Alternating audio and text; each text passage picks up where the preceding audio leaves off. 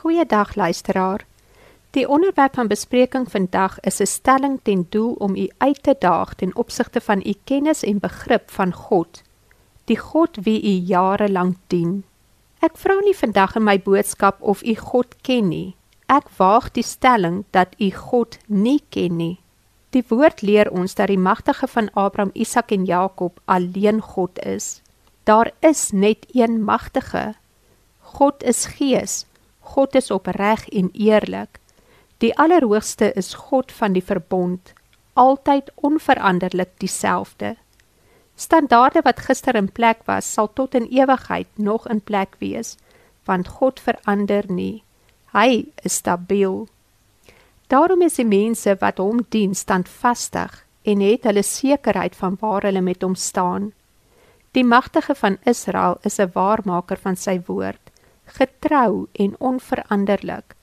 God het standaarde, riglyne en vereistes vir die inwoners van sy koninkryk. Hy is in beheer en regeer sy koninkryk in vrede en in sagmoedigheid. Daar is eensgesindheid in die koninkryk van die Allerhoogste, omdat al sy volgelinge weet presies waarvan God hou en wat die Almagtige glad nie aanstaan nie. Wat is hierdie riglyne en standaarde wat God se volle karakter vir ons beskryf? God tref duidelik onderskeid tussen die wat boos doen en die mens wat kies om opreg en in geregtigheid te lewe. Spreuke 3 vers 3 sê: Die bose is 'n verwerplikheid in die teenwoordigheid van God, maar die geheime van God is by die opregtes. Die vloek van God is in die huis van die bose, maar hy seën die blyplek van die regverdiges. Die wyse sal lof en eer erf, maar die dwaase sal skande ontvang.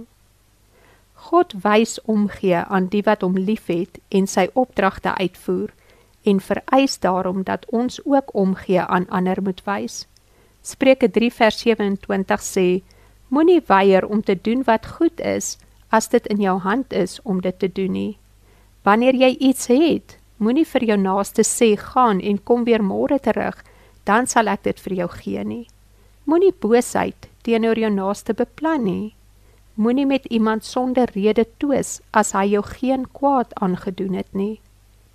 My liewe luisteraar, indien u en ek God ken, sal ons weet dat die oortredinge van God se standaarde ernstige nagevolge vir ons land en vir sy mense inhou.